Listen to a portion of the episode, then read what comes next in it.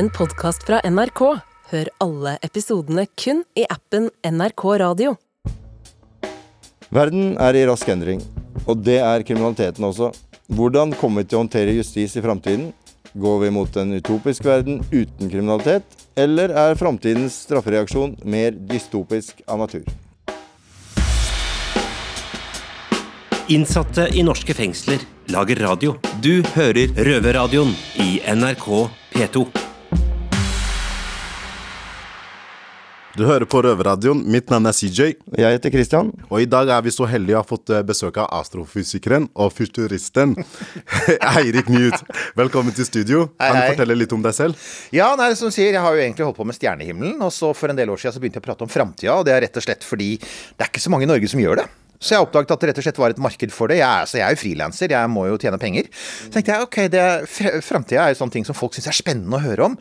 Og, og det er masse å snakke om, så det har jeg gjort de siste 20-25 åra. Så jeg har jo da reiser rundt og holder foredrag og skriver om det og alt mulig sånn, og er liksom sånn ekspert på framtida som Det er ikke mulig å være det, da. Ja, absolutt ikke. Men det jeg kunne tenkt meg å høre Ja. først, da. Er det noen spådommer som du har truffet veldig godt på i det siste? Kanskje i løpet av de siste Altså, I det årene? siste Nei, vet du, altså ja, En av de tingene som jeg har snakket om i 20 år, det er det, det som vi kanskje kommer tilbake til etter hvert, det er dette her med eldrebølgen og hva den gjør med oss. Dette med at det stadig blir flere gamle. Og hvordan det forandrer samfunnet. Det har jeg, begynte jeg å prate om for ca. 20 år siden. eh, og da var det veldig sånn Ja, ja, men det er ikke noe stress, for at det, er liksom, det er nok barn og unge, og vi kan alltid hente inn flere polakker og somaliere og alt mulig. Altså, for det er det Norge har gjort. De har hentet inn folk utenfra. Og så sier jeg, men eldrebølgen begynner å liksom melde seg litt overalt, så det er ikke sikkert at vi kan hente inn så mange. Og nå begynner vi å se det. Og nå begynner det å bli alvor for Norge, så det er en sånn type ting, f.eks. Og så har man masse bomla. Jeg trodde veldig på virtual reality, husker dere det? jeg var en av dem. Sånn, alle kommer til å gå med goggles, så er det ingen som gjør det. Det er ikke så rart, for jeg blir jo sjøsyk selv. Men, men eh, grunnen til at vi har invitert eh, nettopp deg, da, Erik Knut, er jo at vi vil prøve å spå hvordan fengslene blir i framtida. Men uh, først kan du forklare lytteren hva utopi og dystopi betyr. Ja, altså utopi, det betyr jo eh, Man pleier å kalle det drømmesamfunn. Altså, Det er det sånn perfekte samfunnet hvor, eh, hvor alle har det bra. Det er fred, frihet og alt gratis. Det fins ikke noe særlig ondskap. Og hvis dere syns dette høres urealistisk ut, så er det jo Altså, det har vært laget veldig Det har vært, det har vært skrevet og, og laget veldig få filmer om utopier. Og det er fordi det er så vanskelig å forestille seg dem. Det er så vanskelig, Og de er dessuten så høres de litt kjedelige ut. altså, Folk liker jo gjerne en fremtid med litt mer action. Dystopi er det motsatte. Det er dystert. Det er, det er det som går galt. Det er, det er så å si hver eneste Hollywood-film om fremtiden. det er Terminator, ikke sant? det er Alien, det er det betyr- es Escape from New York, det er Dread, det er alle de kule filmene der ute.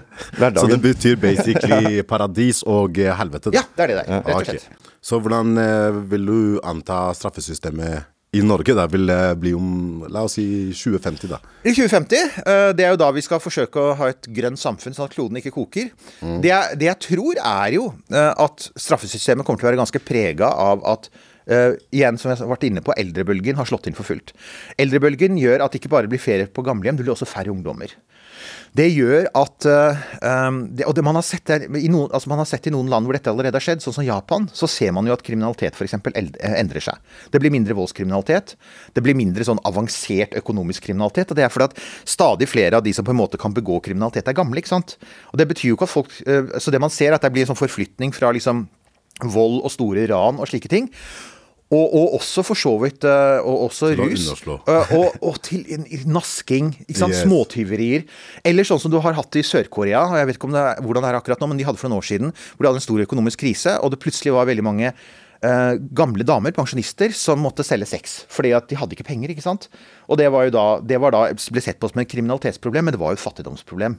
Så det er en av de tingene. Så hvis ikke vi håndterer eldrebølgen bra og sørger for at f.eks. gamle har nok penger, så tror jeg vi kan se en ny type kriminalitet. Prostitusjon? Uh, ja, det, det, ja, men altså igjen, har, det har allerede skjedd, og det er en av de tingene som er en, en del av jobben min, er jo å følge med på hva som skjer ute i verden. For jeg sier, vent litt, hvis det kan skje der, så er det jo faktisk ikke utenkelig at det kan skje her også. Vi er bare sånn, vi, og det handler om å putte seg i det mindsettet, da. For det er så mange ting vi tenker, ja, men dette kan jo aldri hende. Men det er vel lettere at det skjer her enn der, egentlig. Ja, det er det. Og derfor så sier jeg at vi Så jeg, jeg tror jo så er jo da det store spørsmålet er om vi får noen endringer i lovverket. Jeg tror vi kommer til å gjøre det, for jeg tror jo at etter hvert som Altså, Samfunnet får mindre ressurser å bruke på andre ting enn gamle. Og det vil si at de også, altså På et eller annet vis er de også nødt til å effektivisere dette systemet her.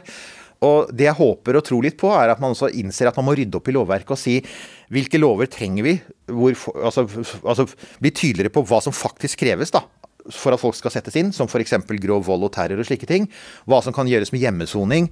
Eh, hvor mye som kan gjøres med påtaleunnlatelser og rehabilitering og diverse opptrenings... Altså de, vi har jo ganske mye i det systemet i dag, selv om ikke det er, funded nok.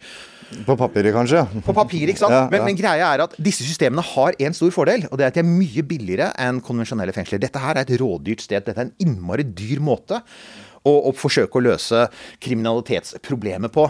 Så vi kommer til å bli mye mer opptatt av å spare penger, fordi at vi kommer til å ha mindre penger i framtida. Altså vi kommer til å, altså igjen, det er færre i jobb, det er flere som er pensjonerte, og vi skal dessuten fikse klima, og det grønne skiftet blir innmari dyrt. Men ja, kan jeg spørre, hvor, Ja. hvor mye tror du koster for fengselet her i Oslo å ha meg her i måneden? Ja, det er Nok billigere enn å ha folk i Prøv å gjette en gang. Uh, 150 000, er det? Nei, altså det er litt under. Men Ok. eh, det er I måneden eller 000 året? Nei, i måneden. Oh. Ja. Men altså, unnskyld, det, det var ganske godt gjetta, da. det er mulig jeg har lest et sted. Men, men altså, det er, sant? det er da jeg tenker at, at der er det fullt mulig å tenke seg altså, de, de pengene der. Mm. For det er En ting er hva det koster å holde deg her, men det er også hele infrastrukturen rundt. ikke sant? Vi har jo et maktapparat rundt det, og vi har, et, eh, vi har massevis av byråkrater. Vi har massevis av penger som går inn i dette systemet. Og vi vet at det er et system som har for lite penger, for det får vi høre hele tiden. Altså Vi som er utafor, ser jo det at altså, det er f.eks. så er jo eh, altså fangevokterne og, og alle andre i systemet sier altså her er det for lite penger, vi får ikke gjort nok. Og det er da jeg dessverre er da som, som, som fremtidstenker da, må si at eh, dette her er de gode tidene, folkens. Dette er gullalderen. fordi at fra nå av og framover så kommer jo disse her store kostnadene som ikke vi har giddet å ta oss. F.eks. å å forberede oss på eldrebølgen, forberede oss på det grønne skiftet. I Norge har i likhet med alle andre land, vi har ikke satt av penger til det, vi. Så nå må vi begynne å bruke Vi, vi er nødt til å begynne å bruke de pengene, og, og det, det gjør at um, jeg er helt sikker på at, vi, at, at Jeg er helt sikker på at det finnes mye billigere måter å gjøre det på enn 100 105 000 kroner. Det jeg har tenkt med litt på deg i det siste, det er sånn predictive eh, policing, eller forutseende politiarbeid. Ja. Hva tenker du om eh, det her i fremtiden, da? Busted! Hva vi tenkt si? lenge Altså, på å spørre deg. jeg var med på For jeg har jo prata om dette siden dinosaurer gikk rundt på jorda. Ikke sant? Og, øh, og jeg, husker da Predictive, Predictive, dukket opp. Det var litt sånn, det ble litt sånn buzz rundt det etter um, Minority Report, filmen med Mm, Tom Cruise. Da, da ble folk plutselig oppmerksom på at det fantes folk som forsket på dette her med å forsøke å forutse forbrytelser. Det som vi, og så ble det satt i gang masse prosjekter. Det ble også satt i gang prosjekter i Norge, og det til med, kom til med en forskningsrapport som jeg har lest om hva som skjedde i Norge da man begynte å se på dette. Altså, Tanken var i og for seg ikke så dum, og det var at man skulle bruke eh, data, sant, dataverktøy, samle inn data. Ikke bare altså, Politiet og, og rettsvesenet vet ganske, vet ganske mye om hvem som begår kriminalitet, hvor de bor hen, og hvor det skjer. F.eks. noen hundre meter fra her vi står, er en ganske stor arena for kriminell aktivitet. Yes, ikke sant? Og, og dette vet politiet. Så der er det kameraovervåkning, og det er stadig patruljer, og stadig så er det ikke sant, aksjoner der nede. Um, og så vet de også at når du, slipper, når du stenger dørene for utesteder på, på lørdag kveld, så er det trøbbel i sentrum. Sånne ting vet politiet. Predictive policing var ment å finne andre de tingene som politiet selv kanskje ikke vet. Og det var å da samle data om alt mulig fra været til konserter til inntekt til frafallsrate i skolen til arbeidsledighet. Å lage um, sånne heatmaps, sånne kart med liksom sånn hvor det var rødt, så er det mye av kriminalitet. Eller potensielt, og det var poenget. For dette er statistikk. Så ideen var ikke å si han duden der skal begå kriminalitet, sånn som de gjør i Minority Report, og han gjør det om ti minutter. Poenget var å si i det området der, så er det nå kanskje 10-15% høyere sannsynlighet for at f.eks. det kommer en innbruddsbølge. Så det kan være lurt for politiet, som alltid har begrensa ressurser, å bruke, å bruke ressursene sine på en smartere måte. Det var tanken. Så var det spørsmål om levering, da. Ja, det, du syns det ikke fungerer? Nei, det, altså, det, har jo, det har jo ikke levert på, på noen måte sånn som de trodde. Det er mange, det er mange predictive policing-prosjekter som er lagt ned. Noen har hatt litt effekt. Det jeg vet bl.a. at det har vært noen sånne der, eh, igjen sånne innbruddsbølger som man har kunnet fange opp. Og det har vært noen sånne interessante resultater som f.eks. at eh, altså, intenst regnvær kan flytte på kriminaliteten og sånn. Altså, ja, jeg, jeg ser den. Men det, det det det kommer ned til, er det jeg nettopp har snakket om. Det er penger. Det er, det er dritdyrt. For at, husk på, predictive policing gjøres ikke av politiet selv. Politiet hyrer inn IT-selskaper. Så det koster masse, og så er det masse dyr tech som skal brukes. Og, og det man da sier, er liksom sånn Vent nå litt. Hvis vi har små budsjetter, og hvis vi kan velge mellom å ha folk på gata f.eks., eller altså konvensjonell etterforskning, og disse rådyre datasystemene, og det må man ofte gjøre, så, så, så vil jo de fleste si at vet du hva, da, da, da leverer ikke datasystemene. Og i Norge så kom det en, en ting til inn, og det er jo sånn som man ofte ikke tenker på. men det er sånn, Dette er statistikk, og det betyr at du, du trenger ganske mye data. Det er basert på noe som heter big data. Du skulle samle svære mengder med data. Det var, det var bygd for Los Angeles. Jeg skulle komme inn på det, akkurat det der. I Kina så har de jo I Kina, I? Kina så følger de deg jo på absolutt Det gjør de. Så i Kina Til og med der måten du går på, måten du Prikksystem, Ja, ja, så Ja, blir ja, du ja. kreditert etter eh, hvordan du oppfører deg i samfunnet. Ikke sant? De har Så- et sånt system. Men ville du ha sagt at det fungerer, da? Altså, Kina fungerer jo i den forstand at Ja, det er mindre kriminelle. Altså, det er. Ja, pluss at. De holder jo befolkningen i ro, sånn noenlunde. Bortsett fra at nå har det vært svære opptøyer der i forbindelse med covid. Mm. Uh, og det, det er jo en del av kommunistpartiets maktapparat, da. Så, det er jo, så, så på den ene siden så er det jo en del vestlige selskaper som har hyra inn kin, kinesisk teknologi for bl.a. å drive sånn face recognition, ansiktsgjenkjenning, og overvåkning i offentlig rom.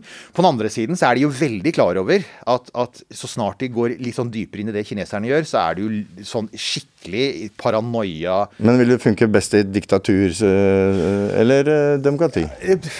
Helt klart diktaturer. Og så vil det funke best der der det er mye folk. Det var det man oppdaget man skulle teste ut i Norge. Det er egentlig kanskje bare én-to byer kanskje i Norge som er store nok til at du får nok data. For at du trenger mye data. Og, og det vi ser da, i småst, De fleste nordmenn bor på småsteder, og der veit jo det lokale politiet De veit stort sett hvem det er.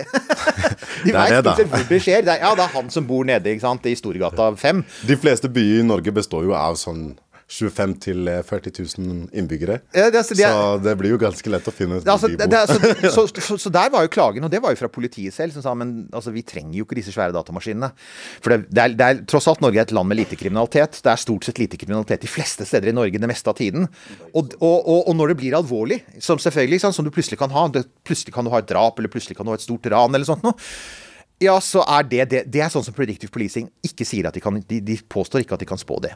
For det er sånn OK, én enkeltperson bestemmer seg for å drepe en annen, det kan du aldri spå. Så, så til sjuende og sist så, så viser det seg at man hadde håpet at du skulle kunne få mer ut av hver politikrone med Predictive Policing. Det har ikke levert, og det gjør at det er veldig ja, det er, det er litt på sidelinja nå. Det er litt som virtual reality. Men det er mye snakk om sånn kunstig intelligens om dagen. Yes. Eh, hvordan, Jeg skulle inn på det også. hvordan kan det bli brukt i straffesystemet, tror du? Altså Det brukes jo allerede, veit vi, av etterretningstjenester. Eh, Det har de jo for så vidt innrømmet. og det eh, det er igjen til å gå gjennom store mengder data, identifisere mønstre, finne folk. Og de påstår jo eh, man, det, Dette er jo um, f.eks. Altså disse three letter agency, FBI, CIA, NSA. ikke sant? De sier jo at en av grunnene til at vi har sett færre terrorangrep, og det har vi jo, er fordi at de bruker disse her smarte systemene til å skure gjennom alle telefonsamtaler, alle SMS-er, alle messages. eh, Også krypterte tjenester. Vi tror vi er trygge på telegram og signal. Det er vi ikke. ikke sant? Sånne ting. De har bakdører på omtrent alt. Og som vi snakket om før vi gikk på her, altså de kan til og med avlytte mobiltelefoner som er skrudd av, bare så dere veit det.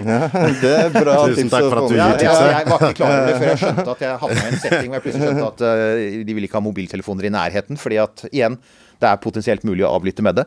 Så, så det er helt tydelig at det er Det fungerer at til en viss grad. Innsatte i norske fengsler lager radio. Du hører Røverradioen i NRK P2. Så tror du dommerne kommer til å bli bytta ut med roboter? da? Altså, det er jo Jeg vet ikke egentlig, for det er en ganske liten altså, Det man ser da, når man ser på kunstig intelligens, er hvor, hvor vil man ha kunstig intelligens? Jo, man vil gjerne ha det der du får liksom mest bank for the buck. Det er sånne store utgiftsposter for samfunnet. Det er en grunn til at man er veldig opptatt av selvkjørende biler. Det er fordi at det er millioner av mennesker ansatt i sjåføryrket. Og kan du ta noen millioner ut av det, så har du frigjort masse arbeidskraft du kan bruke andre steder. Hvor mange dommere er det i Norge? Noen hundre, kanskje? ikke sant? Altså, det er ikke en stor gruppe, så der vil antagelig ikke lønne seg. Så det man kommer til å gjøre, er å putte det inn der det lønner seg. Så det blir sånn eldreomsorg, industrien, transport, sånne ting. Og det er nettopp derfor man også er så, det er så, man er så bekymra for at f.eks. selvkjørende biler ikke fungerer ennå. ikke sant? Men, men hvor automatisert tenker du at et fengsel kan bli, da? La oss si her Altså, i Norge, da. Altså, i, I prinsippet så kan det jo automatiseres i ekstrem grad. I prinsippet så kan det nesten være som romstasjonen, hvor alt er sånn levert, ferdig, pakket. ikke sant? Og du kommer i et sånn dokkingskip en gang iblant og leverer noe mat. ikke sant? Altså ikke noe menneskelig kontakt, mener du? Altså, I prinsippet kan du det, men i praksis så fører jo det til sjuke innsatte. ikke sant? Så det, det er jo, da, da kommer du tilbake til det igjen med at da har du bare flytta kostnadene fra ett sted til et annet. Eh, Nå har vi jo snakket om eh, i nær eh, framtid. Nå snart skal vi bevege oss til 21. århundre. Eh, men før det skal vi sette over til Eidsberg.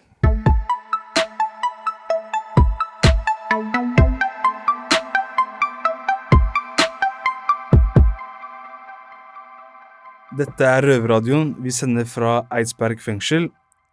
I dag har jeg med meg Big Boy Ali.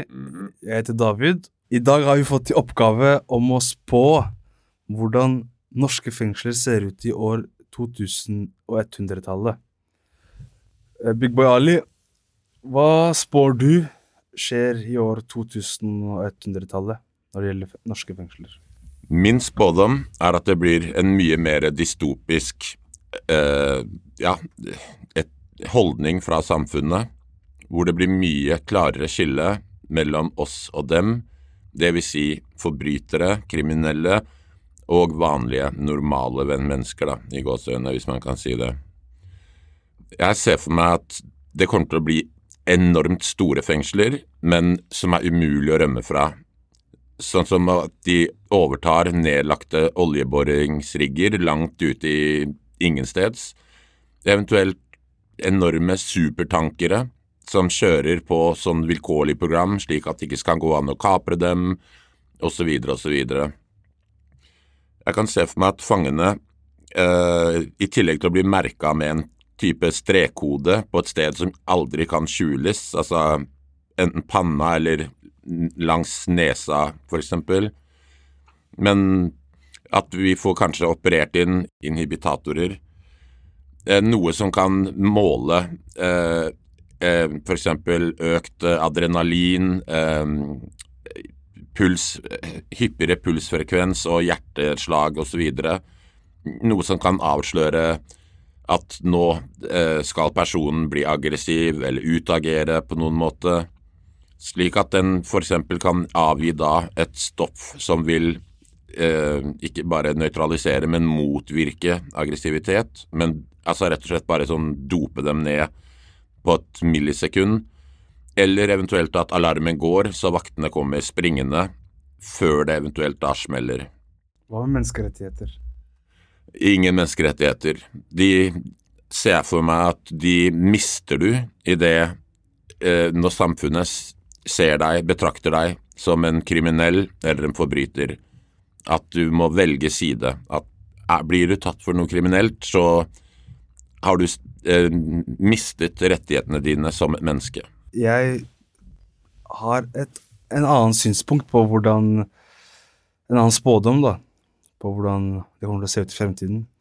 Jeg tror at ut fra liksom det jeg ser på nyheter i dag, og litt ut fra liksom det som skjer rundt i verden i dag, da, med tanke på krig og slike ting, og forskjellige spenninger i forskjellige deler av verden, at det kommer til å bli utløst en eller annen form for atomkrig, eller en sånn storkrig, da. Og nå har jo de fleste land atomvåpen, så at uh, fremtiden Det kommer ikke til å være noen fungerende regjeringer. Når vi tenker på, når jeg- tenker på krig, og så tenker jeg også på uh, Med tanke på global oppvarming, så altså alle disse faktorene, da, krig, atomvåpen, global oppvarming, så føler jeg at det ikke kommer til å være noen fungerende fengselssystemer, og at uh, som følge av alle disse krisene, så føler jeg at uh, det ikke kommer til å være noen fungerende stat, da. Fungerende, fungerende re regjering, og at ikke det kommer til å være med Utfallet av det blir da at ikke det blir eh, noe fengselssystem. Det kommer ikke til å være noe fungerende fengsel. Og at fengslene blir mer brukt som der folk Et samfunn, da, der folk uh, beskytter seg selv mot ut, det som er uten, utenfra. og at det blir mer på stammer, og liksom at det blir forskjellige tribes, da, og at ikke Altså, den justisen blir ikke liksom som justisen som vi kjenner til i dag. Det blir mer sånn justis som det var for 300 år siden, da, der du kanskje øh, hevn og sånne ting, da. Nå har vi, vi, nå har vi tatt våre spådommer, og jeg vet ikke med dere, men jeg er veldig spent på hvordan Eirik Knut tror at norske fengselssystemer vil være i år 2100.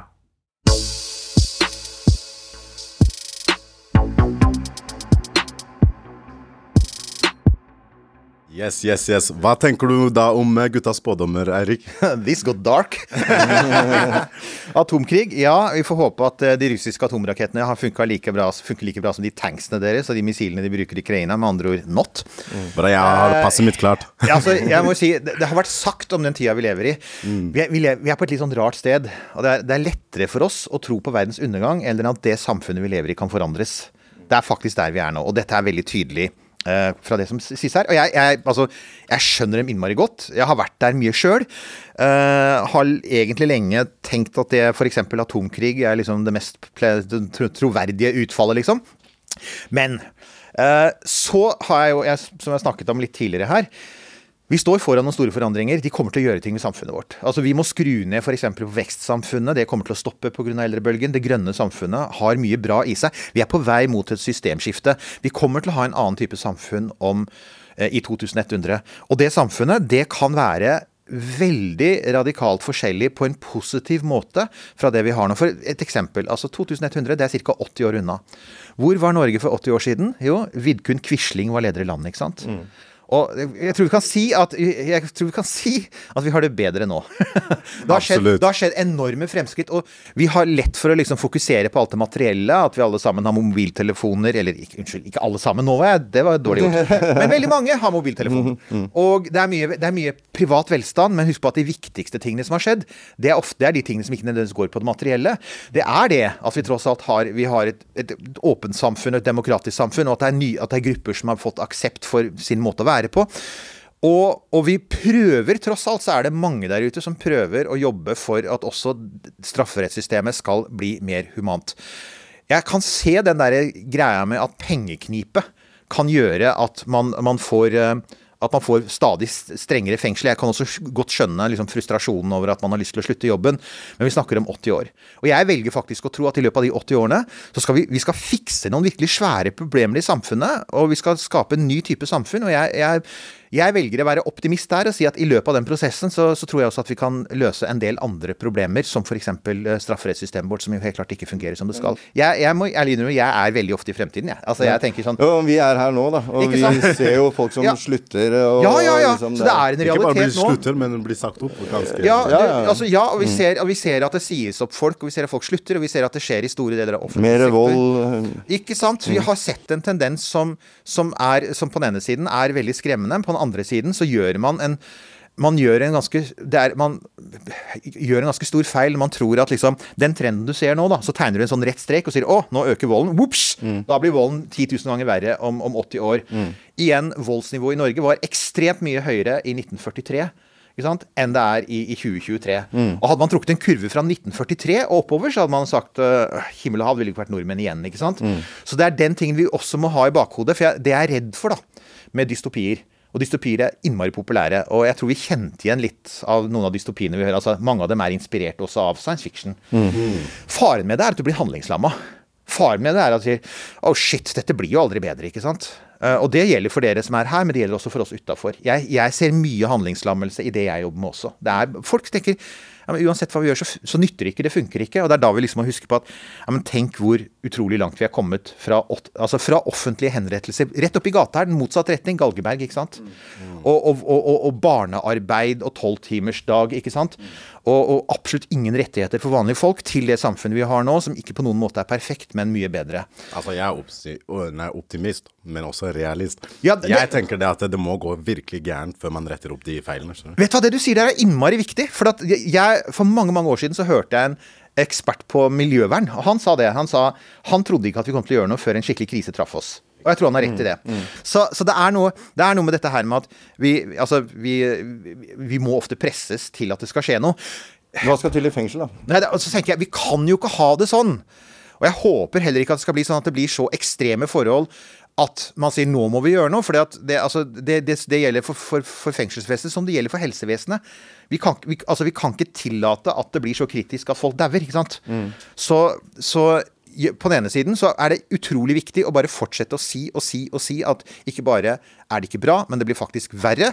Og på, andre, på den andre siden så er det også er det nok på tide at man begynner å sette seg ned og se på det jeg var innom i stad. Det er liksom se på de totale regnestykkene. Og se hva er det samfunnet faktisk betaler for dette her? Hva får vi igjen for dette her? Og hvor mye av det vi holder på med nå er bare gammel vane har ikke egentlig særlig god effekt.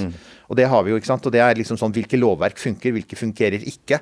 Hvordan kan vi hindre at folk havner i fengsel rett og slett ved å avskaffe lover som, som sender folk i fengsel uten at de egentlig representerer noen fare for samfunnet. ikke sant, Sånne ting. Eh, og det, det, det så vi Problemet er akkurat nå så er det ikke noe særlig vilje til å se på det, men jeg tror jo at de, de svære trendene der ute kommer til å tvinge oss til å, å ta noen sånne oppgjør. Akkurat nå så har vi politikere som er veldig sånn Ikke på min vakt. Det er veldig vanlig. Utsettelse. Vi har klimautsettelse. Og ja, vi vet vi må gjøre noen svære, kjipe grep, og, og folk kommer til å bli sure på oss, men da skal jeg sørge for at det er nestemann som tar det. Ja, ja, Ikke sant? Ja, ja, ja. Ja, det er det ja, ja. Og eldrebølgen. Og strafferettssystemet. Ja, ja, ja, ja, jeg hører at det er krise, men vet du hva? For god's sake, ikke mens jeg sitter på vakt. Fordi Nei, ingen ikke sant, for ingen vinner, ikke sant, for ingen vinner noen stemmer på å være oppfattet som soft on crime. ikke sant? Det er det samme i Norge som i USA. Så, så det, må, det må skje noen politiske endringer. Men de, det er prosesser i gang, da. Og det er det jeg syns er, er positivt. Så det, jeg ser at det har begynt å røre seg. Det er bare at det tar tid, og det er dritfrustrerende. Men Erik eh, Knut, vi vil gjerne ha deg tilbake igjen seinere. Mm. snakke litt om sex og overvåkning og verdensrommet. The juicy stuff! Yes. Døra mi er alltid åpen, vet du. Ja, ja, ja, det er det. Så en eh, invitasjon vil komme. Ja, Kjempebra. Jeg kommer tilbake. I'll be back. Tusen takk for at du kom, Eirik Knut. Hyggelig, hyggelig. Hvor kan du høre oss, eh, CJ? Du kan høre oss på NRK P2 hver fredag klokka 14.00, eller så kan du høre oss på Podkast når og hvor du vil, om du ikke er i fengsel. Ha det! Røverradioen er laga for og av innsatte i norske fengsel. Tilrettelagt for streitinga av Klynge for NRK. Og redaktør i NRK er Ole Jan Larsen. Du har hørt en podkast fra NRK. Hør alle episodene kun i appen NRK Radio.